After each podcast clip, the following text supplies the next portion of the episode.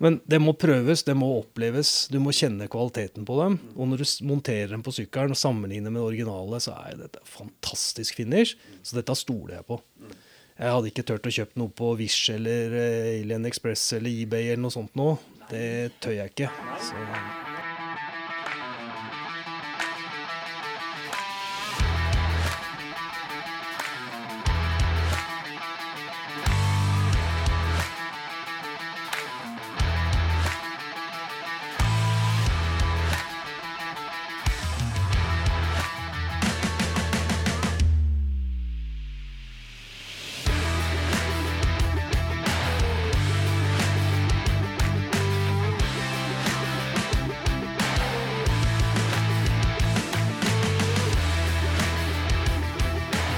Yes, da er det nok en episode av Rally Nord podkast. Eh, podden som eh, starter der hvor asfalten slutter.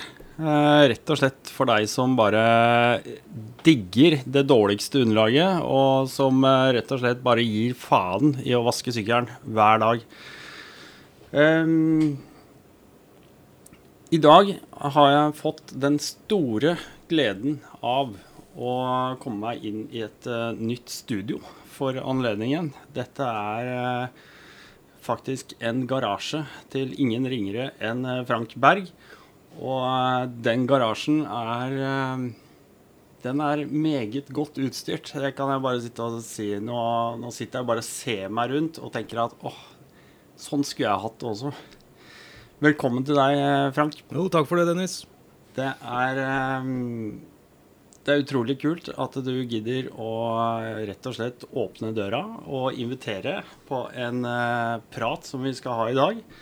Eh, kona di har stått på, bakt boller. Her er det kaffe og cola og i det hele tatt. Og varme kommer det fra en et eller annet sted. Varmepumpe, faktisk. Varmepumpe i garasjen. Det er helt supert. Vi tenkte vi skulle prate litt om Eller vil si, jeg posta et innlegg på Patreon, for du er jo en av mine patrons. Um, hvor jeg var litt i beita, fordi jeg tenkte Vet du hva, nå sliter jeg. Nå må jeg lage noe. Nå må jeg produsere et eller annet. Og en del av de tankene jeg hadde, de gikk i vasken, sånn som det noen ganger gjør. Og så rekker du ut en arm og så sier Hva med at vi bare tar og lager en episode om eh, sykler og utstyr? Da, da var jeg ikke vond å be. Nei, det var rask respons, det. Det er så jævlig kult at uh, du tar litt initiativ på det.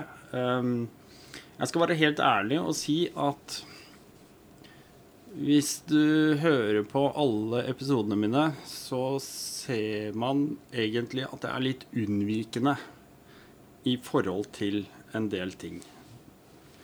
Jeg, eh, jeg har vært veldig proaktiv på Twinpace, det vet alle. Jeg har nevnt en del ting, men jeg har ikke vært har ikke vært pågående på det. Og det må jeg bare legge helt klart til grunn med en gang. Alt vi sier her i dag, det er, det er, det er ikke fasit. Det er fordi at det er det vi liker, kanskje. Det- ja. Eller har prøvd å finne ut at virker. Ja. Så, Så det er, det er våre meninger. Det er våre meninger og våre synspunkter. Og jeg eh, stiller meg helt fritt til at de meningene de kommer til å endres både én og to og tre ganger for framtida. Det er ikke noe som er skrevet i stein, og det som er riktig for oss, er ikke nødvendigvis riktig for andre. Nei, dette må prøves. Ja, Og det har vi gjort. Vi har prøvd og feila mange ganger. Så. Og vi tror jo hver gang at vi har funnet det rette produktet, men eh, så kommer det noe bedre, da. Ja, det kommer noe bedre. Det blir dyrt. det blir jævlig dyrt. Det blir fort dyrt. Det er som å kjøpe sykkel. Du begynner forsiktig, men du ser jo hvor du ender hen. Ja, for det, det kan vi jo ta da med en gang. Nå skal vi Vi skal legge til grunn for alt det vi skal prate om i dag, skal vi legge til grunn de syklene vi har. Um, og det er klart at det, nå, alle, alle vet at jeg har en 701 long range. Det er grunnlaget. Det er, det er liksom grunnsteinen. ikke sant? Den henter du i butikken, og så kosta den x antall tusen. For meg den gangen tror jeg 140 000-50 000 med noe sånn akropotter og sånn. Det skal vi komme tilbake på. Men totalkostnaden når du begynner å ringe opp den sykkelen, og du skal ha på ditt og datt og Ikke sant? Da snakker vi x antall Oh, titusener til. Det er faen Det er eh, rett og slett eh, nok å bruke penger på. Ja, det kan du bare se på den som står der. Det, Ja. det ja. Ja, for det Ok, alle vet at jeg har den sykkelen. Hva er det du Hva er det vi har her? Vi har to sykler eh, her. Nå har vi et lite helsestudio bak deg. KTM 450. Ja. Six Days. Det var en 21-modell Ja. som jeg kjøpte hos Jon. Så Ja. s- en hvil. ja. Og det var i utgangspunktet en sykkel jeg syns var helt sjef. Akkurat sånn som han var. Ja. Men du ser jo han har jo forandra seg litt. Det blir stadig vekk et eller annet du må gjøre. Eh, Men den er forholdsvis grei å forholde seg til i priser og utstyr. ja. For det er ganske optimalt i utgangspunktet. Mm. Så har jeg vært innom masse forskjellig. 690, 790 og så videre. Og så var det vel var det 6. oktober i 21 som de lanserte rallyen. Og da satt jeg med knapp, klar med knappen og bestilte den eh, 890 rallyen. Og da var jeg nummer Da var det 472 sykler igjen av 500 når jeg fikk tilslaget. Så jeg var ganske tidlig ute. Oh, fy faen. Så Samme dagen så var det selvfølgelig et par kollegaer som fikk tenning, så vi Ja. endte jo med tre sånne rallyer i, på jobben. Ja, såpass, ja. ja, ja, ja. Så det, men det er jo altså Det er en fantastisk maskin. Og det kan nesten ikke beskrives, du må prøve. Ja. Jeg, jeg, jeg syns at de er dritkule. Jeg var innom eh, AMD her for eh, nå i helga. Og da sto det en. Den var ikke montert ennå. Den var bare pakka ut av esken antakelig og venta på litt sånn stæsj. Det er en fantastisk eh, Jeg må si det er en sexy sykkel. Ja, I hvert fall med den fine frontlykta. Nei, den må jeg si at den jobba jeg med. Jeg kjøpte 790-en. Um, nå kan jeg leve med det, men um, sånn er det. Det er jo Det er ikke det. Det er jo eh, Altså, kast gjerne stein. Som jeg sier, jeg legger alltid hodet på blokka. Men eh, det her er Dette er jo også bare en ja. Det er meninger. Ja, ja, Og, og, og ikke noe mer enn det. Det er ikke noe Det ligger ikke noe bak det. Det ligger ikke noe Nei, bak altså når, det du, når du kjører, så tenker du ikke så mye på den, Nei. for å si det sånn. nei, nei. Da er det dempere og Ja, motorrespons ja, ja. og Det det hvordan er- dette sitter. Det er det som er viktig. Ja, ja. Og det, det har jeg lyst til å bringe oss litt mer tilbake på etter hvert, når vi kommer inn på mer sånn spesifikke utstyr, duppeditter og detaljer. For noe av det som for meg er viktig, det er funksjon, og ikke utseende på ting. Det er altså, Du ser jo det på det vraket som står her nå, hvordan det ser ut, stakkar. Så jeg har brukt den.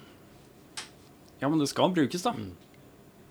Helt klart. Og der er vi jo Det er jo godt at du er litt enig med meg, fordi eh, Nå er det kanskje noen som føler seg truffet, da, men det er mange som skal ha Og så, og så ser jeg innlegg på OTC eller på et eller annet forum. Bare 'Jeg har fått noen riper i plasten min'. Oh, ja. Jeg har et sted hvor det ikke er ripe, hvis du ser på, hvis du ser på tanken helt oppe der. Ja, men ikke sant? mm. Altså, da ble jeg litt sånn Ja, du har fått det, ja? Alvorlig, eller? Er det sånn Har du, har du vurdert å bytte plast, liksom? Nei, det, det kommer. Ja. Eh, Det er jo ikke spørsmål om, det er jo når. Ja, det er Så det. Er det. skal du kjøre sånn som vi gjør, så må, du, må du bare ta det. Ja. Verste er den første ripa, da. Som Ja. går over med en gang. Ja. Det går så fint. Ja.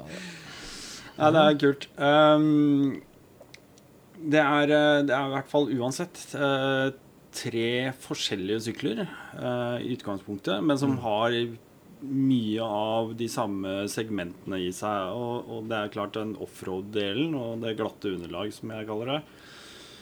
Eh, det er litt eh, Så sånn sett så er det litt bra at vi har tre forskjellige sykler vi snakker om her. Da. For at du har den rallyen, som er en relativt stor og tung eh, sak. Eh, den ligger sikkert som et lokomotiv der det måtte være. Og så har du mellomtingen, som er 701. Mm.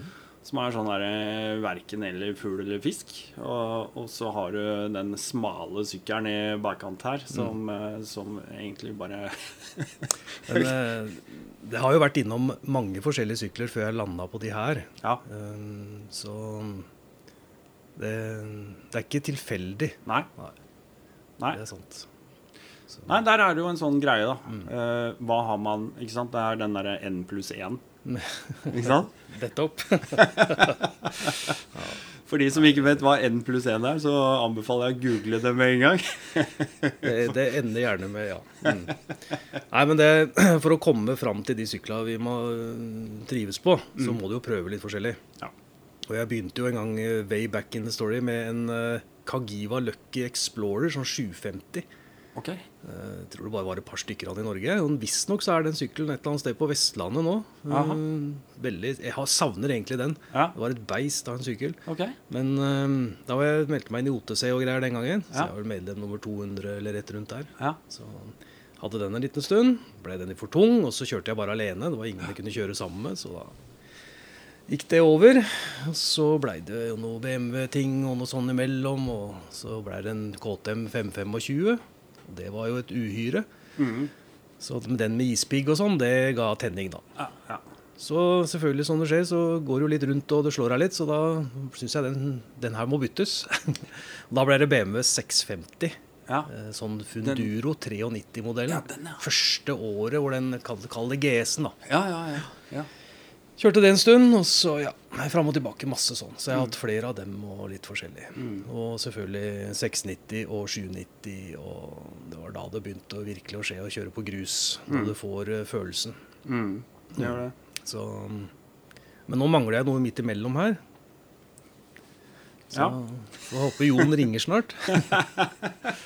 ja. ja da. Ja, nei, det er eh, Jeg syns også det er vanskelig. Jeg har hatt også veldig eh, Jeg har vært innom mange sykler opp igjennom.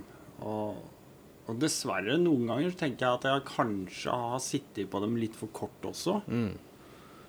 Uh, at det har vært litt sånn iver etter fordi at det hele tida dukker opp noe nytt. ikke sant? Og så blir man liksom ikke helt uh, dus med det man allerede har. Mm. Eller kanskje man er bare lei av smådetaljer noe som Ja, eller store. ja, eller store. Det kan være store, og da er det jo greit. Du har sikkert kjørt mye forskjellige typer sykler du òg. Ja. sånn som vi sitter her i dag, så er det jo grussykler, da. Jeg har jo helt fra Harley med rattgir og fotkløtsj Ja, ja. til uh, streetfightere, ikke sant. Så Mm. det, og race-saker. Mm. Mm. Og det passer ikke meg lenger. Å kjøre på vei sånn. Det, det, er, det blir så lett frista til å gi litt gass. Ja. Er det, er det aldersbetont? Ja, jeg vet ikke. Jeg vil vel egentlig Nei, jeg tror ikke det, altså. Jeg føler egentlig ikke det. Nei. Eh, Jeg er jo gammel. Eh, Jeg vil gjerne kjøre en kvikksykkel for det. Ja. Nei, men jeg tenker på den derre R-greia, ligge på tanken ja. eller Det kan godt hende. Jeg fant ikke at det var noe behagelig lenger Nei. å ligge sånn og kjøre. Nei. Det ga meg ingenting, så jeg ville heller sitte litt annerledes. mm. Så. Nei, Men det er jo det å kjøre på grus eh, Det er jo sånn Det er kanskje litt rart å si det, men noen ganger når du har kjørt på grus og kommer ut på asfalt, så føler du deg litt utrygg. Jeg vet ikke hva som gjør det, men det Da er det kanskje frykten for å møte andre trafikanter, eller Ja, jeg vet ikke hva det er. Trives på grus. Ja, jeg trives på grus. Absolutt. Ja. Det er eh, og det, Men det er, det er en tilvenning. Det er en læreprosess. Ja, det er Man er ikke som alt annet. jeg skal dra en, da skal jeg dra en liten digresjon til Mm. første gang jeg kjørte på grus.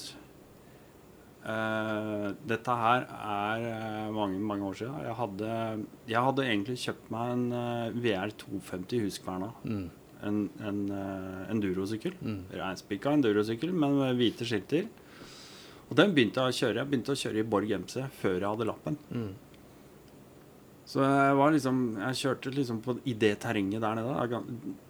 Ganske kupert. Mye stein, litt røtter, mye sånn Ja, forskjellig ymse. Uh, men så fikk jeg lappen. Og så hadde jeg den gangen en, en eh, svoger som uh, kjørte. Han hadde kjørt motocross tidligere og greier, så han var ganske flink. Mm. Ikke sant? Sånn, I forhold til meg, i hvert fall, som Mm. var helt nybegynner, egentlig. Og så sier han du, det er noen greier nede i Østfold. Sånn stokk og stein-arrangement. Hun kaller seg Stokk og stein. Det er sånn påmelding, og så har de sånn guida tur. De har lagt opp og avtalt med grunneier og masse. Var gruskjøring, da, ikke sant. Mm. Litt ut på noen jorder, og de hadde liksom gjort det skikkelig opplegg. Og jeg eh, kom jo ned der da med VR-en min, og jeg la meg jo etter disse gutta. ikke sant? Så hadde jo ikke kjørt på grusveier. Noen sånne sandpartier var og greier. Det var helt nytt for meg. Tolv mil totalt. Kjørte av veien fire ganger. Kjørte av veien, altså. Rett og slett. Stivna du, eller ble det Ja. Helt stiv i svingen. Ikke er- til å kontrollere. Noe av det første vi prater om når vi kurser på sånt. Så. Ja. Hadde én bare børne Ikke sant? Det er jo verdens letteste ting å kjøre rett fram. Kommer du rett ut i et T-kryss, så klarer du ikke å bremse opp. Så går du bare rett ut gjennom T-krysset, og så ut på jordet. Eller den morsomste historien, bortsett fra de to dikene, må jeg bare ta. Vi kommer nedover en sånn slakk bakke. Som kommer over en slakk høyresving, og rett foran der nede Masse støv og sånn, gutta ligger foran. Støv som faen. Så ser jeg et hus. Svær, diger plen. Unga driver og plasker rundt i sånn oppblåsbart basseng. Mor ligger på en sånn der solseng vet du, midt på hagen her. Og far jazzer rundt i og styrer med gressklipperen og sånn. Den golfplenen Tror du jeg stivna før svingen der? Ja, det gjorde jeg. Rett ut på plenen, rett inn i hagen. Og fikk jo helt angst. Jeg sto der inne, ikke sant. Og de kikka, vet du, spratt opp, og hva faen er det her? Og jeg fikk helt panikk. Bare klaska den i første gir og bare spola sykkelen rundt. Altså, oh. Gresstustene spruta. Må være forsiktig, han er på jakt etter eiendom han med gressklipperen, vet du. Nei, det er en fantastisk historie. Ja, ja, ja. Og det verste er at jeg har møtt folk mange år etterpå som bare Det var deg, ja! Det var et Godt inntrykk. Ja, ja. ja. Eller jeg måtte, jeg måtte ta den. Ja, ja. Nei, men det er viktig, som du sier, det der med å få litt mengdetrening på grus. Ja. Um, Så det var jo også en av de tingene som Jeg fikk den 690-en. Så var det jo rett på nett å finne ut hvor er det kjøringen nå. Ja. Hvem kjører? Ja. Og da dukka en som heter Pål opp, Ja.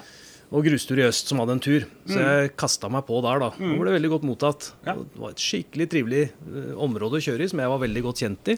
Så det gjorde jo at jeg ble enda mer eh, gira. Så fra og med da så har det vært eh, kun grus for meg, altså. Pål har invitert meg, han. Så bra. Mm. Så det blir veldig gøy. Jeg, eh, jeg har visst dette ganske lenge. Men Pål har invitert meg på eh, gruskurs. Ja. Så det gleder jeg meg skikkelig til. Det er eh, 7. mai. skal jeg Ja, være da, med. da ses vi. Og da skjønte det at du også er med litt og hjelper til litt Ja. og, og sånne ting. Prøver å bidra litt, da, vet du, for jeg syns jo dette er veldig moro. Håper flere kan få den gode følelsen. Så prøv å hjelpe dem med det, da. vet du. Ja. Nei, det, det gleder jeg meg vanvittig til. Og nok en gang så har jeg anledning til å legge hodet på blokka. Det skal være helt, eh, helt nullstilt til, eh, til den bånden der. Det gleder jeg meg skikkelig til. Det, jeg er ingen verdensmester på noe som helst. Nei, Så det blir vi ikke heller, så, nei, så lite det, som vi kjører. Nei, så det blir eh, Jeg gleder meg faktisk. Mm. Og, og regner med at jeg kommer til å lære, lære masse nytt da. Mm. Men det, det kommer. Så bra. bare følg med ut i mai. Mm. Ok. Vi ehm, De tre forskjellige syklene. Uh, og hvis vi skal begynne å ta for oss modifikasjoner, uh, utgangspunktet for sykler som i utgangspunktet Du må ikke gjøre noe med det. Uh, du må ikke. Men allikevel så er det noen ting du må gjøre med dem. Og det kan være veldig sånn modellspesifikt i forhold til at for eksempel eh, 690-701, slavsylinderen, ikke sant? Men det tror jeg er eh, fiksa. Ja, det er fiksa. Men er altså, vi må ta liksom, det som et eksempel Ja, ja. for ting som dette, er, dette må du bare gjøre. Mm. For ellers så står du midt inne i Finnskogen en dag, og så er du dritt forbanna fordi at du ikke brukte de penga. Der har vi en god historie òg. Ja. Eh, ta den kjapt. Um, da var vi to 450 og en 690 på Ja. vinterkjøring. Og Ja. um, lå ca. på 17 minus, så det var litt sånn friskt å starte. Uh, kjørte fire kilo. Forresten, sånn som det starta, var at vi hadde en svær crafter. Ja. En eh, sånn folkevogn som vi hadde sykla inni. Ja. Dro dem ut, Uh, ut på rampa, ned, og fikk start på dem og kledde på oss og dro av gårde. Mm. Ordentlig ispigg. Bare is oppå Finnskogen. Herlig, vet du. Ja. Så kom vi tre-fire kilometer, så ble den 690-en borte. Ja. Ja vel. Snudde vi, da, og så tilbake. Og da sto han i veikanten og klødde seg i huet. Og var helt død. Ja. Sykkelen døde. Ja. Så, så, så måten han beskrev den på, så hører jeg sånn Det her er tenning. Altså, det er ikke sånn at den sakte, men sikkert dør ut pga. bensin. Nei. Dette her er eh, tenning. Ja. Og da mm, begynte jeg å titte, og så Ja, selvfølgelig. eh, Støtta. Sidestøtta, vet du. Den derre mm, dumme Magneten. Ja. Men det fine da, på KTM er jo selvfølgelig at denne kan du ikke koble bort. Hvis du ikke har en 2,5 ohms motstand, og det har du jo ikke mer her på Finnskogen. Nei. Men uh, vi tenkte at denne bare shorter vi, vet du, sånn som du gjør på andre sykler. Nei, så funka jo ikke det. Nei. Dette var en lørdag. Så dette er for Jon, vet du. Ringe Jon på spin in wheel, vet du. Det er alltid service å få. Og der ble det jo da full fart. De dro opp noen noe papirer og fikk sett litt på tegninger og sånn, og bare Nei, vet du hva, gutter, dette går ikke uten motstand. Så da var det bare å pakke sammen den 690-en. Ja. Så mm, dere som har 690, bør kanskje tenke på det, at eh, den stopper hele gleden. Ja. Så der fins det løsninger. Mm. Bare sånn et lite tips. Det er mange, mange sånne holdt på å si, kjerringråd. Det er gubberåd, mm. alt ettersom. Ja, det er jo det, men eh, magneter og mye sånt. Men det fins dongler som kan eh, eliminere det Ja. problemet der. Flere forskjellige utgaver. òg. Jeg skal innrømme at det, for min del så vil en sånn dongle være greit å ha med seg. Ikke ha den montert. Og grunnen til at jeg ikke vil montere den, det er fordi at jeg har opplevd at jeg prøver å kjøre av gårde med støtta Mm. nede. Ja, ja, nei, det Og det er krise det, hvis du har en sånn uh, Reckless 80 fullpakka mm. med 35 kilo bakpå deg. Det, du går i bakken. Ja, ja. Nei, men det, eh, det er sånne ting som du kanskje bør tenke på hvis du bruker sykkelen på den måten som vi gjør. Så lese litt om hva er det Ja. som kan feile. Ja. Og det utstyret er ganske viktig, men det er noe annet vi tar først, for å si det sånn. Ja. Så det jeg begynner med når jeg får en sykkel, er vel først og fremst å se på hvor jeg skal bruke den, hva slags dekk jeg har på den. Mm. Så det syns jeg er viktig. ja. Også sittehøyde er viktig. ja. Um, og også hvordan um, Når du kjører grus litt hardt, så, Mm. så liker du å ha litt mer tyngde over fronten på den, så ikke du har for høye styrehevere. ja. Da kommer du for langt tilbake, kanskje få litt for mye avslappa posisjon på sykkelen. Så det er sånne ting som du bør se på, vurdere og kanskje få noen tips om hvor, du, bør- altså, hvor du bør være på sykkelen. Da. Skal vi, det der, vi skal spesifisere dette her mer.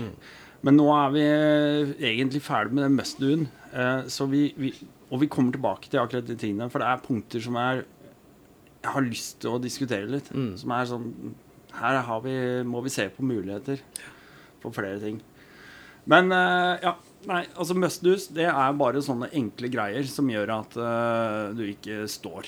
Rett og slett. Bare mm. Ikke sant. Altså, men hvis vi går eh, Skal vi begynne Vi begynner med type oppgraderinger som Skal vi se Vi kan begynne med lys, da. Mm. Ja, det er ikke noe Disse her har jo ikke akkurat de beste lysene. Når de kommer. Nei. Så jeg kjøpte to ganske små til den 890-en, for jeg ikke ville ha noe stort på den. Mm. Og det er eh, sånne ledd fra Syklop. Ja. Dem er jeg veldig fornøyd med. Ja. Eh, bygger veldig lite, eh, Ja. nesten ikke synlig. Ja. Og de gir meg akkurat det lille jeg trenger. Ja. Jeg kjører jo ikke på vinteren med den, Ja. Så det er mer sånn for å redde deg hjem i skumringen.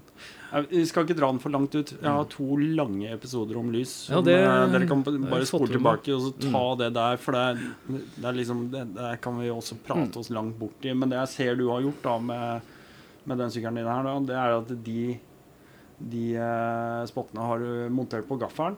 Er det det? Nei, den sitter, sitter på ramma, da. Den sitter på den lille bøylen inne bak der. Er sånn 3D-printa holdere bak der. Så, Ja, for å få gjemme det ordentlig bort, da. Mm. Så ikke det blir så mye sånn Ja. stæsj rundt omkring. Skal ikke se ut som en GS. Nei. Nei. Nei, men det er jo fint. Det er en Ja. KTM som ikke ser ut som en GS. Det er greit. Nei da, jeg er ikke noe mot GS. Jeg kjører GS, og jeg, så det, ja, det er fine sykler. Men jeg må ha litt forskjellig. Ja. Nei da. Vi har, eh, vi har alle humor rundt eh, våre egne valg, og det, det er bra, det. Jeg bare ser en fordel med f.eks. For sånn som deg, da, hvor, hvor lykta ikke følger eh, styrekrona, Mm. på en måte. Så er det greit å ha noe montert på gaffel eller sånne ting som, som på en måte kan være med deg i kurven. Ja, så kan du vinkle dem dit du vil. Ja, ja. Sånn som på 450 så har jeg også bytta hovedlampe. Mm. Eh, veldig frista til å kjøpe den som eh, Snellingen og dem hadde. Som, Mm. Men den blir så voldsom, så hvis du kjører på vei, så det er jo fullt lys hele tiden. Mm. Så jeg kjøpte en sånn innsats fra Syklop der òg, Mm. som fungerer helt greit for meg. Og så trengte jeg litt i tillegg, så da bruker jeg en sånn uh, hjelmlampe, da. Ja. Mm. Smart. Og det, da lyser den jo akkurat dit jeg vil. Ja, Så. Det er. Det er bra. Mm. Men eh, lys, det tar dere i de forrige episodene. Mm. er fantastisk eh, bra. Eh, hvis du trodde at du kunne noe om lys, så kan du ingenting om lys før du har hørt de som virkelig kan det. Ja. Jeg kan det ikke. Så ikke spør meg. Neste gang du møter meg, ikke spør meg. Jeg, jeg bare kommer til å henvise deg til den poden uansett. Uh, veldig greit. Uh, vindskydd. ja. Uh, der snakker vi liksom Dette her kommer jo ferdig, nærmest. Så kan du velge sikkert uh, på skjønnheten mellom to forskjellige Ja, du har forskjellige 790 eh, kan du også å få med to forskjellige skjermer. Ja. Og så har du to posisjoner på den kan du si, den skjermen som jeg har her, da, som er av den lave typen. Mm. Og hvis du vil sitte helt ute av vinden, så må du finne på noe annet.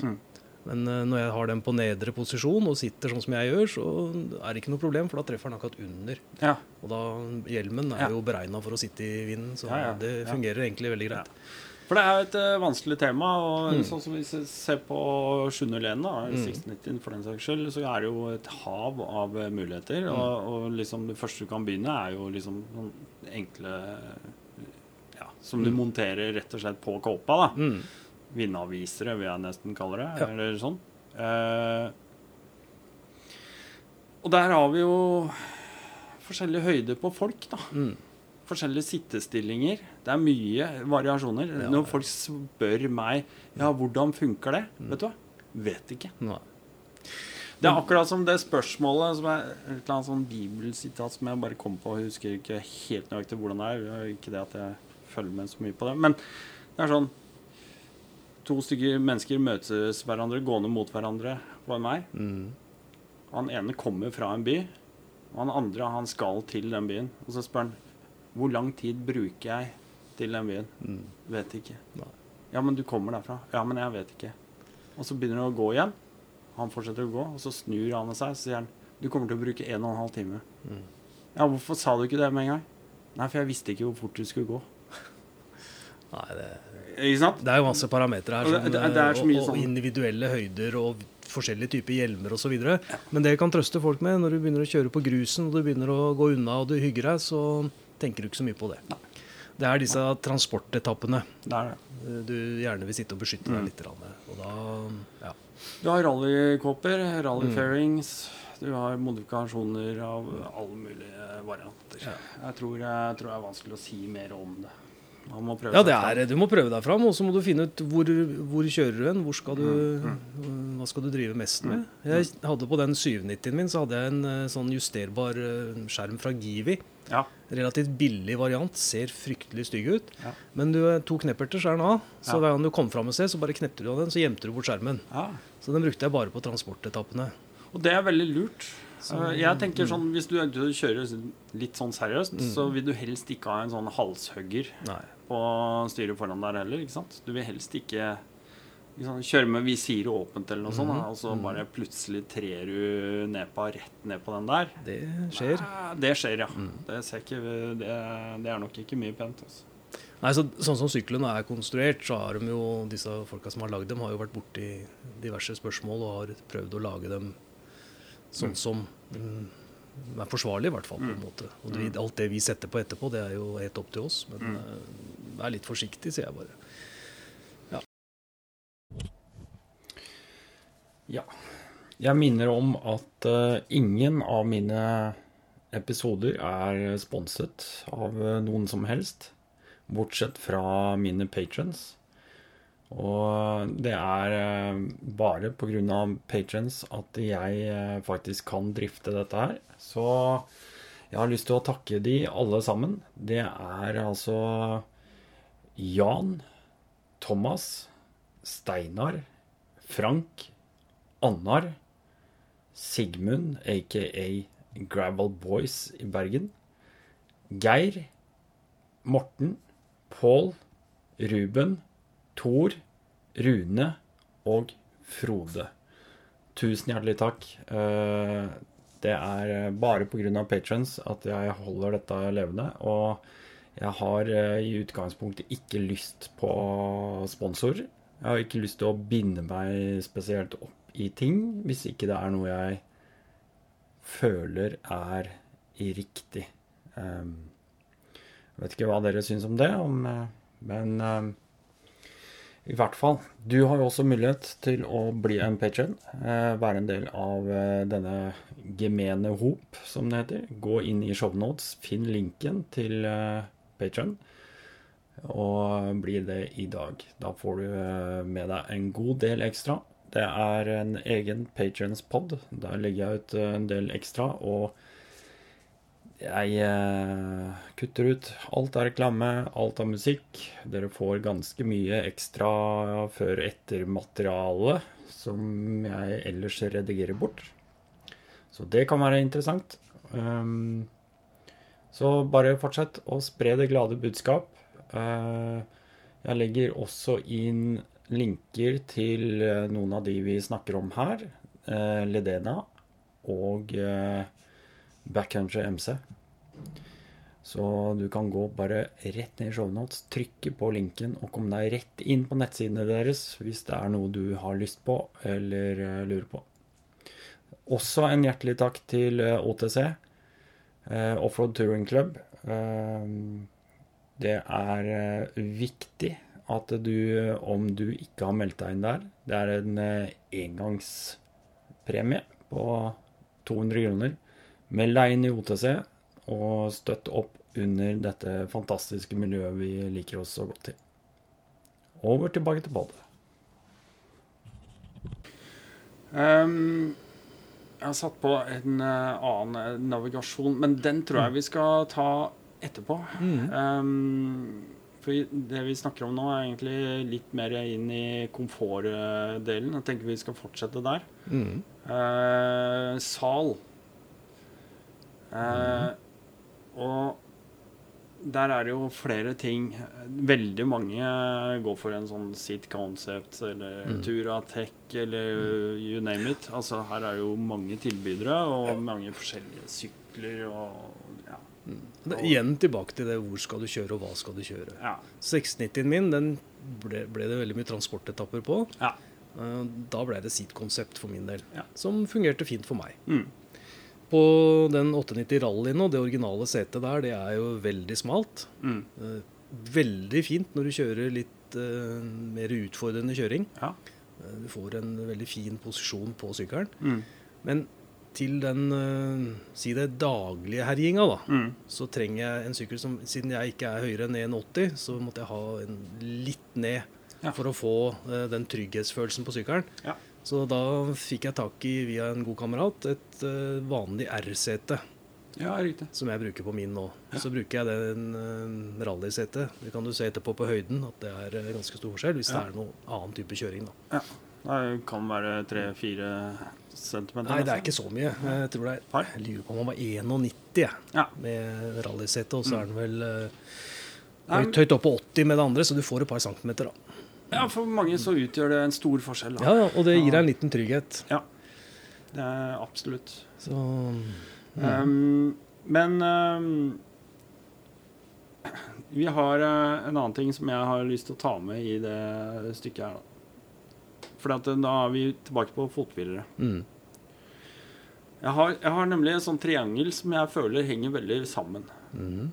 Det er sal, fothvilere, styrehevere. Mm. Det, er, det er, et triangel som med en gang du forandrer det ene, så vil eh, det andre virke annerledes. Mm. Ikke sant? Så du snakker om sal som mm. enten en komfortsal, eller en høy sal, eller lav sal. ikke sant? Mm. Og det er, mange tilbyr alle de tre lagene forskjellige. Ja. Så det, eneste, det, du gjør, det er for det første så varierer du høyden, eller altså lengden ned til uh, fothvilerne dine. Mm. Når du forandrer fothvileravstand fra din sittehøyde, så påvirker det flere ting. Mm. Det ene er kne... eh, altså vinkel. Den er viktig. Den er viktig. grus. Men vet du hva? De fleste, eller færreste jeg har snakka med, nevner en ting til som jeg føler, faktisk. Mm. Det er ryggen. Og hoftene. Mm. Fordi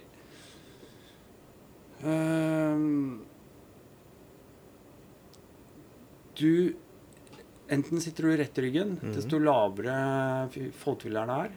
Eller hvis du løfter fothvilerne 2 cm, 20 mm, så får du mer knevinkel. Og for å utligne knevinkelen litt, så gjør det deg litt mer svai i ryggen. Og det er der det kommer inn. Og det, akkurat det du sier her nå, det, Ja. det snakker vi om på gruskurs. Ja. Fordi det er veldig viktig. Mm. Du skal være stram Mm. i hofteparti. Ja. Og du du, ser jo ikke de folka på podkasten, men Nei, nei. jeg kjører gjerne med liksom presse maven litt fram, da. Mm. Sånn at jeg får ordentlig styrke i eh, mellomgulvet. Altså her. Ja. Ikke svai i ryggen. Nei. Og det ser jeg jo veldig fort. Så noen, hvis noen spør, så sier jeg det første jeg ville gjort, er jo selvfølgelig å få en sal, så du føler deg komfortabel på sykkelen. Mm. Og så hadde jeg lagt mye tid i uh, fothvilerne. Mm. Det heter jo fothviler. Ja. Hvor smalere den er, hvor mindre hviler du, på en måte. Ja. Så mm, som du ser, jeg kjører med det som jeg kaller rallypegs fra KTM. Og Ja. jeg har funnet ut at for meg så passer det veldig fint. Ja.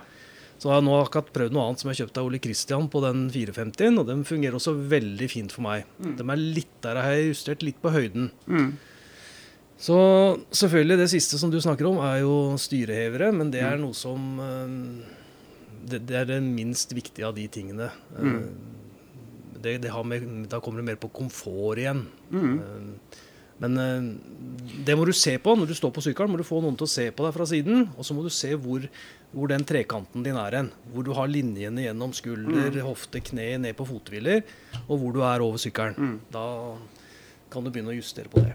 Men akkurat der sier du to ting som er akkurat litt kjernen av mitt Mm. syn på det. Mm. For du sier 'når du står på sykkelen'. Mm. Og det er akkurat det jeg tenker. Når du står på sykkelen, er- Mhm. det er da du ønsker deg en styrehøver, antagelig.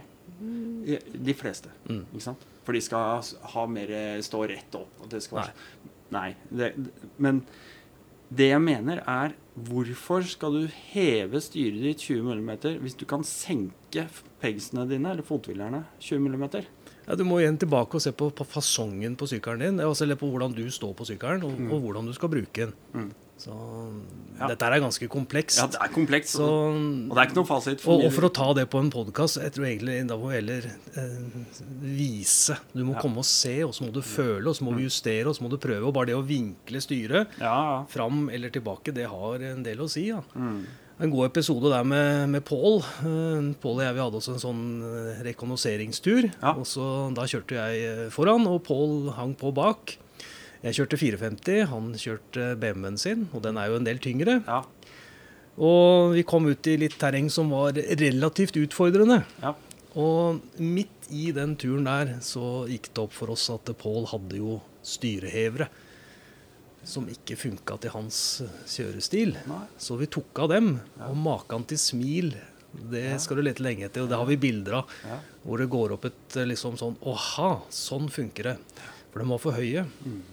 Og så ble det feil posisjon. Og det er bare å ta av det da, så fikk Pål en veldig god opplevelse. Ja. For Tips. for Se på den posisjonen din på sykkelen. For det forandrer kjøreegenskapene også. Ja, noe voldsomt. Det gjør det. Voldsomt. Det er sant. Jeg tror vi, jeg, vi Vi har gitt lytteren noe å tenke på, Mm. jeg. Kom på gruskurs, så kan vi snakke om Ja, ja, ja. For all del. Mm. Um, OK. Eh, hvis vi skal gå tilbake, fortsette med sykkelen, da. Eh, beskyttelse. Vi må jo Ja. snakke om beskyttelse. Mm. Eh, jeg, har, jeg, har, jeg har skrevet ned noen sånn basics jeg tenker på. Det er eh, bashplate, eller ja, Mm. bunnplate, eller ja, mye, mange ord. Mhm. Eh, handguards Mhm. og veltebøyler. Det er liksom Det er de tingene vi sørger for først og fremst, Mm. kanskje, og ha i orden i hvert fall for å ta vare på syklene våre generelt. Mm.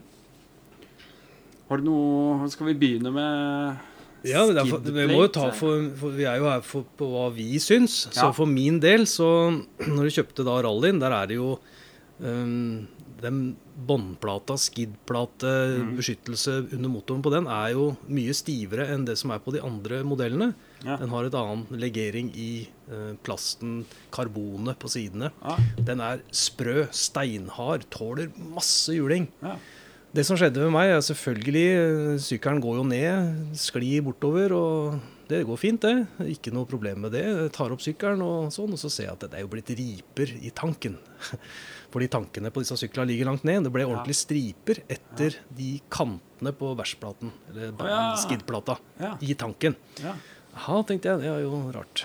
Og så eh, når jeg kom hjem, da, så tok jeg den selvfølgelig av og så litt på den, og det var jo ikke en skade på den plata. Nei. Den var jo like fin. ja.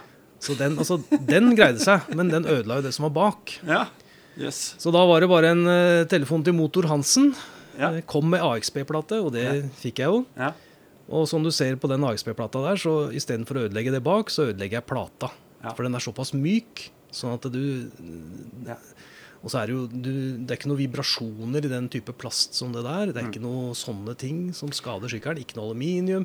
Så det er det jeg liker, da. For Ja. denne tar unna. Ja, for nå, Det du snakker om nå, det er en AXP Skateplate, Mm. uh, AXP Racing. Ja. Uh, og det er et uh, Hvis jeg ikke tar helt feil PTFE-materiale. Et plastmateriale som er sinnssykt robust. Eh, stivt, eh, men jeg også kjører. De to siste syklene mine har jeg hatt AXP. Mm. Jeg har ikke bestilt gang, De gangene har jeg ikke bestilt av Motor Hansen, som, jeg, som nå er eh, faktisk forhandler av AXP. Eh, eh, mm, fordi han var ikke på banen den gangen. Men min min tro på, på AXP og som et plastmateriale altså De fleste vi kjenner til fra før, har jo vært aluminium. ikke sant? En eller annen slags aluminiumslegering, Ja. først og fremst. Stål blir enda for tungt. Mm. Det er jo det at hvis du først slår den, så er den bulka. Ikke Ja. sant? En aluminiumsplate, da. Mm. Hvis du først får en bulk, så er det en bulk. PTFE-materialet, det, er- det har hukommelse, som det kalles. Så hvis den bulker, så bare slår den rett ut igjen. Ja. Den, den kommer ikke til å, det kommer til å bli riper inn, men den kommer ikke til å bli bulkete. Nei, og så, Sånn som den her er laget, så er det jo vibrasjonsfritt. Ja. Med gummiforinger og Ja. sånn. Lite dramatikk rundt den eh, plata der. Ja, og det er, det er en annen ting også. Det vibrasjonsfritt, men resonans. Mm. Altså det vil si eh, lyd som kastes fra motoren ned i båndplata og slår opp tilbake igjen. Den får du mye mer på en aluminiumsplate enn det du får på et plastmateriale som det er. Ja. Men som alt annet som er ettermontert av utstyr, så er det utfordringen dette her òg. Så Ja. første turene så syns jeg det lukta litt svidd av sykkelen, selvfølgelig. Det var jo fordi at jeg hadde justert den litt nære eksosen, og så har jeg bygd om eksosen på denne sykkelen, og da Ja. smelta det og lukta litt sånn ugreit, da. Så det og så Som du ser, så er det de tappepluggene på motoren der. Ja. De utskjæringene i den profilen der er ikke optimal, ser du. Nei. Så den eh, har jeg bare ikke fått justert ennå. Så det er litt sånn småfikkel da, som du må holde på med. Ja. Generelt så er jeg sånn godt fornøyd med den type plate, så den valgte jeg også på 450. Mm. For den som kommer der, den er veldig liten, så her gikk jeg for en litt mer utvida modell som beskytter litt mer på sidene. Mm. Og det kan du også justere med AXP. Og er du helt gæren, så kjøper du litt ekstra materialer, og så sveiser du sammen Ja. sjøl med plast. Ja. Nei, jeg veit ikke. Det, det er, er det noen andre som produserer eh, plast nå? Det er jo det nå. Så det er jo Det største firmaet er jo Poliosport. Det er dem som lager alt i plast, så de kommer Ja. sikkert etter. Jeg skulle ikke forundre meg om AXP blir lagd av dem, altså, men det, det vet jeg ikke. Spekulasjon. Men det kommer. Jeg vet at uh, AXP produserer for Moose Racing, f.eks. eksempel Mm, Så hvis du går inn på Moose Racing-sidene, så er det akkurat samme som uh, AXP. Så jeg, jeg, Mm. Jeg er ganske sikker på at AXP i hvert fall leverer til dem med Mm. dems logo. Nei, det som er med AXP, det kommer ikke fra Frankrike, jeg tror. Eller lurer på det. Det er egentlig fransk selskap. Og du vet, å handle med franskmenn, sånn kommer det ikke i dag, så kommer det i morgen. Så det kan være litt sånn Jeg handla direkte med dem i 2018. mm, Da var det ganske nye, eller sånn relativt nye. Altså, De hadde kommet et nytt produkt, og det var til CRF 250 Mm. den gangen. Så det var nytt den gangen. De var jævlig på, ass. Mm. De var bare sånn rett ut. Det var Instagram, Mm. og det var liksom hele pakka. Og Sendte meg ekstra, fikk med en caps ekstra, og Ja, som jeg ja. ikke, sant? Sånn. Mm. Så der var, den gangen da så var det Men nå har de liksom fått et etablert navn, tror jeg. mm, Ja, det er det nå- når de blitt store, så det Ja, ja. nå. Nei, det er masse å si om sånne ting, men det er jo mye annet på sykkelen. Som du sa også, disse handguards, da. Mm. Der har jeg prøvd meg fram med masse forskjellig. Det har sikkert du òg. Ja, jeg kan ikke si jeg har prøvd Jo. masse, men eh, ja. Hvis du ser, så henger det jo diverse varianter bakover der. Fra Barkbuster og ja, kjøpt litt forskjellige og prøvd meg fram med forskjellige typer sånne håndbeskyttere. ja. Men som du ser på sykkelen nå, så er det akkurat satt på nye originaler fra KTM igjen. Mm. For dem, eh, Jeg har vært nedi noen ganger, og dem knekker, de fra KTM. Men Ja. samtidig så er de, de er ganske bra. Ja. Det er heller at den knekker enn at jeg ødelegger noe annet. ja. Så det er, liksom, det er viktig at det, den delen God eh, det Du har noe som, noe, som, noe som blir ofret, så at ikke Ja. du ødelegger noe som er mer viktig. da. Selvfølgelig, hånda di er jo viktig. Nei. Um, Nei, men det er en god argumentasjon. For du kan kjøre videre med en Ja, ja, ja. ødelagt uh, hendelbeskytter. Ja. Men du kan ikke kjøre videre uten clutch-hendel, nei. på en måte. Eller altså det er, det er, Må du, så må du, men jeg Ja, ville jo selvfølgelig Jo, men altså, vi drar det litt som bare Men når du sier det, da, igjen Når du snakker, Nå kom du inn på kløtsj og brems. Mm. eh, KTM altså Bruke originale originalt design på det Mm. var i utgangspunktet uhyre viktig for meg, for brems og sånn, det er viktig. Mm. Så jeg så på masse forskjellige utgaver på nett, eh, fordi jeg ønska meg kortere hendler. Mm. Eh, det er sikkert ikke moderne med kortere hendler, men jeg hadde lyst til å ha det på min sykkel for Mm. å få den tofingeren, for jeg liker å holde, med, holde fast ja. og kunne kontrollere hele tiden, ligge med fingrene på både kløtsj og brems. Ja. Og etter å ha forhørt meg rundt overalt, så fant jeg et firma nede i Syd-Afrika som heter Wild at Heart. ja. Og det eh, Selvfølgelig, jeg så på det og hørte rundt, så sier folk ja, men det er det du må prøve. Så jeg, det er jo, tok jeg kontakt med dem der nede? Jo, det var ikke noe problem. De sendte til Norge. Så det er sikkert noen flere som vil ha, tenkte jeg. Så jeg la det ut på OTC. ja. Smakk, så var vi jeg tror vi var 14 eller 15 stykker som jeg bestilte til. Og det, det var jo veldig hyggelig. ja. Men maken til mye jobb for at noen skulle få spare frakt, det, så det, det var ikke noe gunstig for meg. Men Nei, eh, jeg tok jo inn da til 14 stykker, og jeg tror alle har vært fornøyd. ja. Og jeg må si da at de hendla der, prøv hva som helst, men før du kjøper noe, prøv dem. Jeg, tror, jeg tror jeg husker det innlegget ditt. Mm. Var det i fjor, eller? Ja, et år eller to siden. Ja, ja, jeg. Men det må prøves, det må oppleves. Du må kjenne kvaliteten på dem. Mm. Og når du monterer dem på sykkelen og sammenligner med det originale, så er dette fantastisk finish. Så dette stoler jeg på. Mm. Jeg hadde ikke turt å kjøpe noe på Wish eller eh, Alien Express eller eBay eller noe sånt nå. Nei. Det tør jeg ikke. Nei. Så, Det, det fraråder jeg også. Ja. Eh, akkurat det der er eh, Det kan ødelegge veldig mye også, skjønner du. Altså, hvis det er små feil i, eh, i uh, geometrien, da. eh, så kan det ødelegge pumper og slaver. Ja. Ja, det er mye som kan gå skikkelig til helvete med en feil på hendel. ja, så kjøp fra et, i hvert fall et anerkjent firma hvis du skal bytte ut noe originalt der. Ja. Jeg tror Er det bare sånn Violet Heart? Lager ikke det en sånn eh, kombo med clutch og bakbrems òg? Det er mulig de har det. De, Så du får to hendler i? Det vet jeg- jeg mener Roy hadde en sånn. Altså ja, en men jeg tror ikke det er Violet Heart det Roy hadde. Men, Nei, det var noe annet, kanskje. Ja, det er jo kjempetøft, da, for da kan du mm. Da kan du legge ut eh, bremsefoten Ja. i svingen og klaske inn bakbremsen. Ja. Det er litt kult. Det er litt triks å lære seg det òg, da. Ja, det tror jeg. med. Men når du er oppe på styret, da, så ser du at eh, på begge syklene så det første jeg gjorde Jeg har- vel aldri hatt på originale speilene engang. Det var å bytte til eh, det jeg tror det kalles double take. Ja, det er double Ja. Ja. Og da, dette var jo noe jeg kjøpte for flere år siden. Mm. Gikk på nett selvfølgelig, handla direkte fra double take, og det ble svindyrt. Ja. Og så sitter jeg og titter på hjemmesida til Backcountry, da, som jeg oppdaga, og så ja. ser jeg det at Ole Kristian har jo det. Ja. Og det var jo mye billigere. Ja. Så etterpå så er det, har jeg stort sett henvendt meg til Ole Kristian hvis det er noe. Det, Nei, Der er vi nok en gang igjen, da. Så Mm. sjekk ut disse her eh, Backcountry og Ledena og, og sånne ting. Mm. Før du, og, og tenk deg gjennom. Ja, Altså, tenk to ganger. Det klarer du. Altså, eh, som du sier, Mm. Billig på nett. Og så kommer eh, frakt, og så kommer eh, moms og tollavgifter og surr og rør.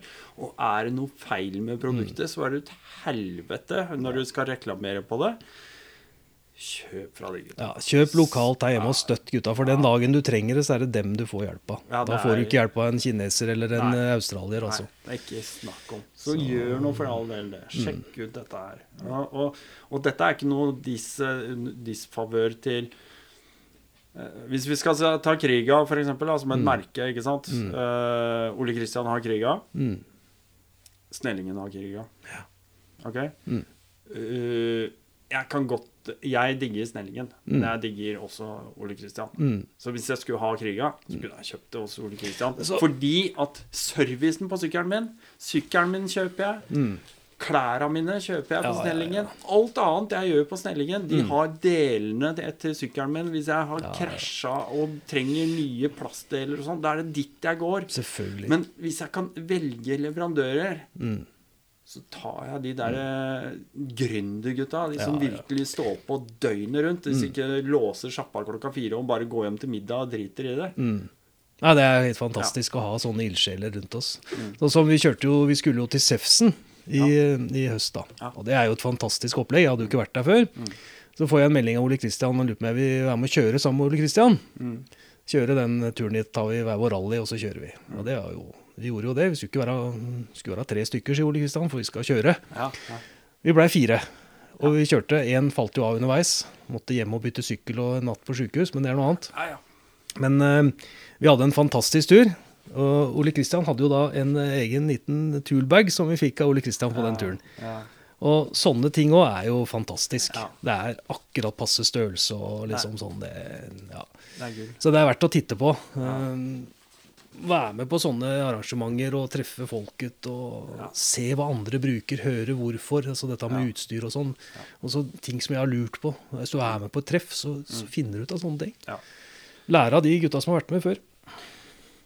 For oss så kan det virke som at uh, vi har kommet inn i et kjempestort uh, greie hvor alle vi kjenner, kjører med knotter på hjula. Men det er jo ikke tilfellet. Eh, Vi er bare en bitte liten brøkdel av de som kjører på to hjul. Ja, klart. Og, og da er det så viktig at vi er der Mm. og støtter ikke sant? Og, og, og bidrar. Men de, de, som, de som står på, da, og som har liksom dette her som, som, som ja, levebrød, rett og slett. Ja, ja, det er så helt. Altså, sånn som, jeg vet ikke, den her, det er bare for å snakke om det, sånn liten toolbag som Ole Kristian har, som er med backcountry MC på. Som det er en, en svenske som har laga dem. Ja. Og han justerer og fikser ettersom hvordan du vil ha det. Ja. Som du ser, jeg har jo veldig mye forskjellige sånne ting. Ja. Uansett hvilket merke det er. Ja. Når først uh, ulykken er ute, så hjelper ikke hva du har. Altså. Så det, det, prøv med den varianten der først. Jeg skal gjøre det neste gang. skal jeg ha en sånn. Jeg, jeg, jeg kjøpte en av Ledena. Ja, da. Ja. Det ble en Enduristan på meg Ja. den gangen. Mm. Men det er også, igjen, da har jeg støtta og, og velger og, og for all del, da. Velg det da istedenfor å gå på AliExpress. Ja, ja, ja. Du Det vet her kommer fra Ledena. Ja. Ikke sant? Sånt. eh, Ja, ja. Masse sånne ting. Og det er kult med de to. De Ja, er jo kompiser. Ja visst. Så eh, det er, eh, det er, det er gull. Uh, OK. Vi, uh, jeg hadde lyst til å tenke, snakke litt om dempere. Dette faller jo egentlig litt under denne delen som vi var på, eh, egentlig, da. Fordi at vi snakka om uh, sal, og vi prata om uh, og vi snakka om styreøvere. Og så kommer dempere, som også er en sånn Altså, på en sykkel altså hvis, jeg ville, hvis jeg skulle bruke penger på noe på en sykkel, så ville jeg jo bruke penger på demperne. Ja. Etter å ha opplevd uh, å kjøre en samme type sykkel da, Mm. på samme vei Mm. med to forskjellige typer dempere, Ja. så er det jo ingen vei tilbake. Nei. Og hvis du får dem satt opp til deg, kan du si at du får rette eh, kall det sagget på sykkelen. Du, får liksom, du får satt opp og begynt et sted, og så får litt hjelp til å justere. Så vil du oppleve eh, gode ting. Jeg har mye å lære der. Ja, det har, altså jeg kan ingenting, men jeg bare kjenner på sykkelen. Det er sånn at eh, du Nå skulle jeg ønske han gjorde litt mer sånn. Så må jeg faktisk ta en telefon og høre du, hvilken vei går vi nå. Ja. Nå er jeg heldig at vi har mye justeringer på de her, da. Ja. Ehm, og det, du snakker om justering på her. Er, har du originale oppsett, eller originale dempere? Ja, Eller har du gjort noe med det? Nei, dette er de Det er det du har fått Det er rallydemperne. Ja, det er jo det. Er jo det. det, er jo, det du tro- har jo- Altså, skal du ha sånn. noe Dette er jo 48 mm rør foran. Skal Mm. du ha noe råere enn det, så er det vel Tror jeg de leverer noe 52, Ja. men det er samme type oppsett, da. Ja. Eh, Men det er for racing. Dette er jo ganske optimalt. Jeg kommer jo aldri til å utnytte den rallyen, det han kan. Men når, når du ser, hvis du filmer dem når de kjører, da, Ja. og så ser du åssen det svelger unna så, Ja. Og sånn som at jeg hadde jo På den 790 så tenkte jeg Jeg fikk jo et ordentlig slag i styret. Jeg tenkte jeg, åh, her må jeg ha styredemper som tar litt mer. Mm. Så jeg så på sånn Scott styredemper. Den koster jo mange tusen kroner. Mm, Så, ja, så solgte jeg jo 790, jeg bestilte 890, og så tenkte jeg jeg må kjøpe meg en sånn styredemper. Men eh, så kjørte jeg litt med den her, da.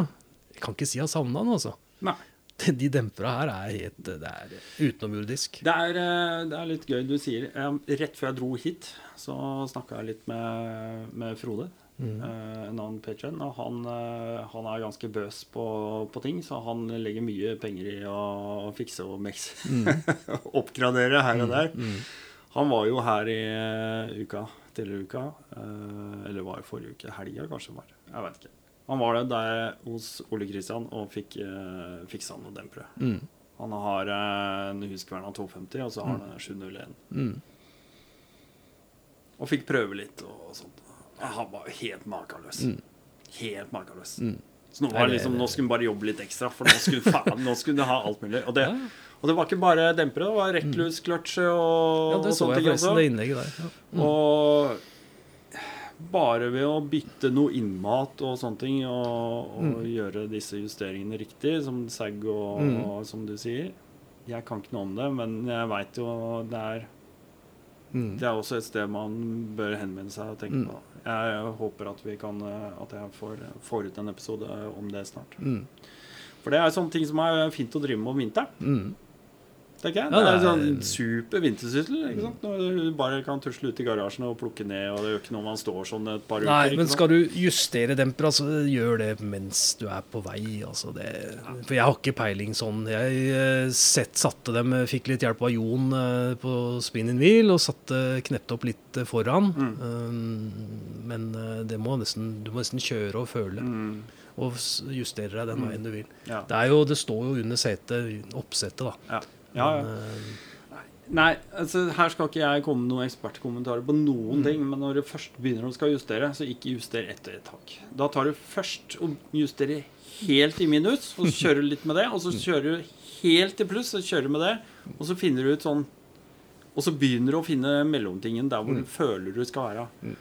Og så er det jo selvfølgelig individuelt ikke sant, i forhold til eh, tyngde på fører Ja, ja, ja. og sånt nå? Kanskje du må ha en annen fjær? Og oppgradere det. Bare fordi du må ha noe mer, mer Newton, da. Mange, mange, mange ting. Jeg var nok kanskje, jeg tok det kanskje litt eh, mindre dramatisk enn deg. da. Jeg justerte meg bare litt ut. Mm. Eh, gikk ikke helt i enden, for det Nei, men da ser du hva demperen faktisk har å gå Ja, på. Helt klart. Det, det, Det, må prøves. Ja. Eh, Jeg vet også, Du, du nevnte CRF 250 i stad. Ja. Eh, Jeg prøvekjørte en sånn 300 rally. Ja. Eh, Jeg syns motor og sånn var veldig fint, men dempere på den sykkelen, det var tragisk. Det så det var veldig, veldig trist. selv om jeg hører at 300 har blitt bedre enn det 250 var, og jeg veit hvor dårlig den var. Ja.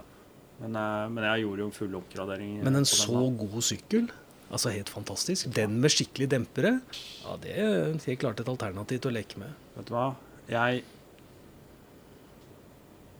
Jeg kjøpte jo 701 Long Range. For da den kom, så var det bare sånn Mm. for meg. Men rett etterpå så lanserte de 300 CRF 300. Og jeg hadde jo en 250 som jeg Mm. var grisefornøyd med. Mm. Og jeg hadde gjort så mye med den. Mm. Ikke tro det.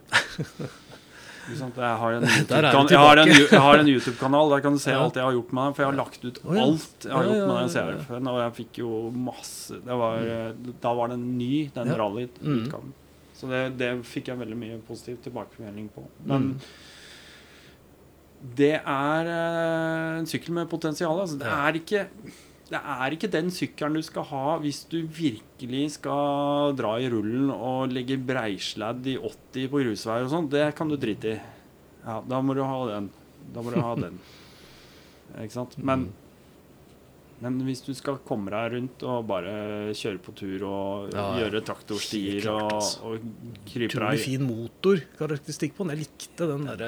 Den likte jeg. Honda har gjort noe riktig. Altså. Ja, helt klart. Så, så relativt rimelig, da. Veldig. Mm. Det er jo det er en sånn budsjettsykkel som Mm. alle på en måte Og en innstegsmodell da, Ja. til grus. Ja, ja, ja. Men altså, altså KTM 390 Altså, vi kjørte um, Vi kjørte de her. Mm. 890 rally, to stykker, og en 790. Mm. Og så hadde vi med en kar på 390.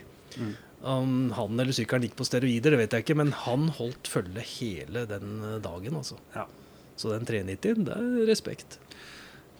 Jeg var og kikka på en sånn i helga sammen med guttungen. Mm. For han er litt typ på en sånn, vet du. Han, er- er, han er jo 17 år. sykkel, altså. Han er jo 17 år, vet du. Så nå nå liksom blir 18 år i slutten av sommeren, da. Mm. Men Så han er jo på 'Hva slags sykkel er det? Jeg må begynne med Jeg må ha mellomtung og Ikke sant. Mm. Han er der, da.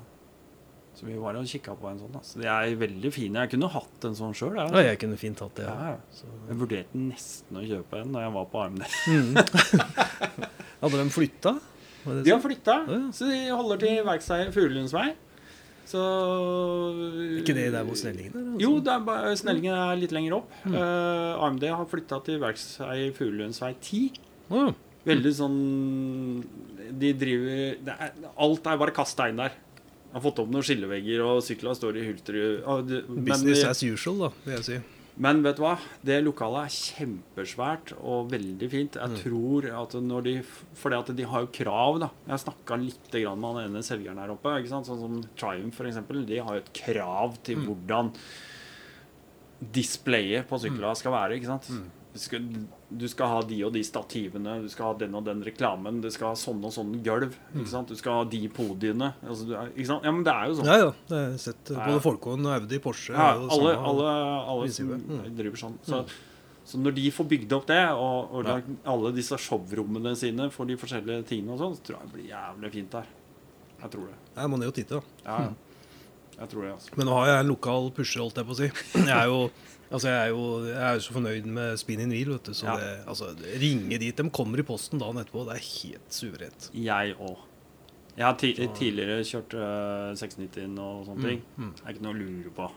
Altså, ikke noe ikke noe diss, for jeg har ikke noe Jeg har Nei. ingenting vondt å si om AMD. Altså. Nei. Ingenting. Jeg, jeg, gar- altså, helt ærlig talt. skal jeg si noe her, så syns jeg det var fryktelig rotete når jeg var nede i den gamle butikken deres. Ja. Så jeg fikk ikke, fikk ikke noe oversikt. Nei. Men ellers så virka de jo helt Ja. Men jeg tror de kan få retta opp mye av det nå, Ja. da. Mm. Og bedre parkeringsmuligheter kanskje, og, og sånne ting. Også. Så øh, jeg vet ikke. Det, det får bare opp til hver enkelt. Men det er fint at vi avgjøre. får flytta dem over på den sida, så vi får samla disse motorsykkel... Er ikke det deilig? Jeg drømte om det med en gang. Tenk deg, tenk deg hele Verkseiet. Mm. Tenk om MC Oslo alt sammen kunne flytta, Ja. og så hadde det vært riktig Ja, det er ikke langt unna, da. For meg så hadde det vært riktig side av bomringen òg. Ja, ikke sant? Ja, men du har jo, du har jo da Lazy Boys, og så har du jo da Ja. MC oppe på Ikea der, ikke sant? Ja, ja, ja, Det er jo de som gir samme ja område, da. men da er jo eh, MC Oslo er på andre sida av bommen, altså. Ja, ja, det er sant. Det er. Men for meg så blir jo det riktig, da. Ja, det gjør det. Ja. Men uh, uansett, vi kan ta det som en digresjon. Artig Mm. Ja. at du, du nevner uh, Lazy Boys. Mhm. Eh, ikke fordi at det er innafor det store segmentet vi tenker på. For det første som slår meg, eller alle andre kanskje også, det er Harley Davidson. Mm. Ikke sant?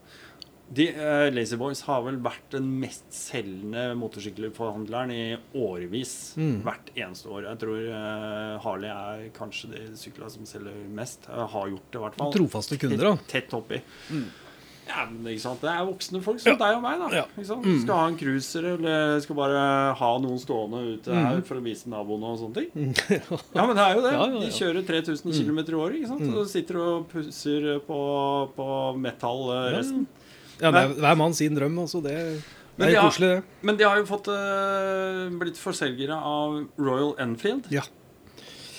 Og øh, det er jo Det er jo både Det er jo gøy, det.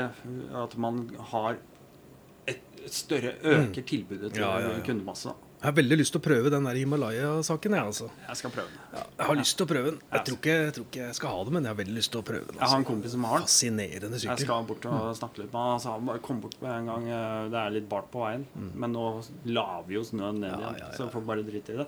Men når den blei lansert Mm. Det er i 2018. Altså For det europeiske markedet ble Mm. lansert i 2018. Og, og da sto jeg der. Fordi jeg hadde solgt unna noen store, tunge sykler og tømt garasjen min for alt. Og så, det var i 20 Ja, det var i 2018. Så tømte jeg garasjen min. Så jeg nå, nå skal jeg bare ta vinteren. Nå skal jeg ikke ha sykkel. Nå skal bare ta, spare meg penger og liksom alt dette her. Og så dukker det opp et sånn morsom sak, så jeg måtte kjøpe den CRF 350. Tre, nei, 250. Men da blei også Royal Enfield Himalayan Mm.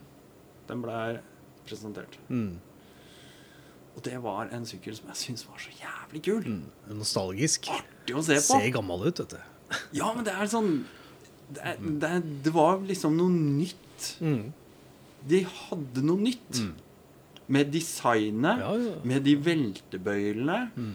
med liksom den derre det var noe sånn traust over den der svartlakkerte motoren. Sånn endunker som det, liksom den derre Mm. gjallende, gode bap-bap-bap-lyden.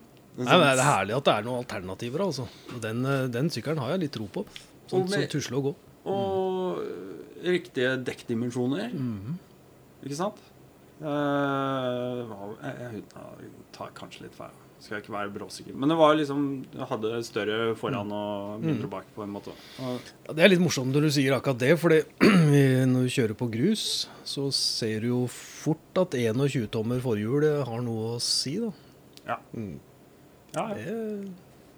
Det, det merker dem som kjører med mindre fordekk. Det er ikke uten grunn at du får eh, en f.eks. en 701 eller en 690 i enduro og supermotard-utgave. Nei, nei, helt klart. Det, er- det er en grunn til at de er forskjellige. Det er også tilbake også til det med hjul, og så er det jo bredden på felgene. Kanskje litt smalere dekk for å kjøre på grus enn det du bruker på vei. Det må man oppdage at det er en fordel. Mm. Sånne ting er jo noe å ta med seg når det gjelder når du skal ha utstyr til sykkelen. At du ser på litt hva slags dekk du bør velge, spørs når du skal kjøre en. Ja. Eh, Mm. For det er veldig mange, tror jeg, Mm. tenker jo sånn Å, må ha skikkelig breie dekk bak. Mm. Ikke sant? Nei, det, det er jo Altså, du, du ser det mange Ja. ganger, så ser du innlegg på OTC sånn der. Mm. Eh, spesielt kanskje på den CRF eh, 250-gruppa. Mm, mm. Så er det sånn derre eh, Får jeg inn et 130-dekk bak her? Mm. Det er sånn om å gjøre å ha det breieste dekket. Nei, smalere dekk, det går mer nedi, for å si det sånn. Ja. Hvis du skal det, da. Ja. ja, og det er der nede du får grep. Ja, ja, ja. Så, nei, det må prøve seg fram, men eh, du vil nok se det at det kan være fordel. Det spørs hvor du skal hen, da. Ja. Ja. Ellers er det jo veldig mye annet på disse syklene med utstyr og sånn, siden vi var inne på det. Så du får egentlig bare Ja. Føler deg fram hva du Ja, vi er Ok, vi kan ta Vi var inne på navigasjon. Den, den kan vi egentlig ta nå. Da runder vi av denne episoden. Dette blir eh, del én eh, med garasjeprat med Frank Berg. Eh, neste episode, eller del, den eh, får du i neste uke. Hvis du eh, syns dette var utrolig kult og spennende og ikke har tid til å vente, så kan du rett og slett bare bli en patron. Da får du hele greia i én smala. I tillegg så har du ja, nesten en time med bonusmateriale hvor eh, rett og slett eh, rekorderen bare står og går. Så får du litt mer ekstra hvis du følger for det. Så eh, takk for at du hørte på denne gangen, og eh, bli patron hvis du ikke er. Eh, Og eventuelt så kan du jo høre på noe annet eh, jeg har laget i mellomtiden, hvis du ikke har fått med deg alt. Hvis du er en av de som har bincha alt sammen, så er det kjempehyggelig. Spre det glade budskap. Gi meg eh, stjerner. Stjerner i podkastspilleren der hvor du hører på. Det er viktig for meg. Og så eh, Ja, så høres vi bare, da. Gjør vi ikke det? Sjalabais!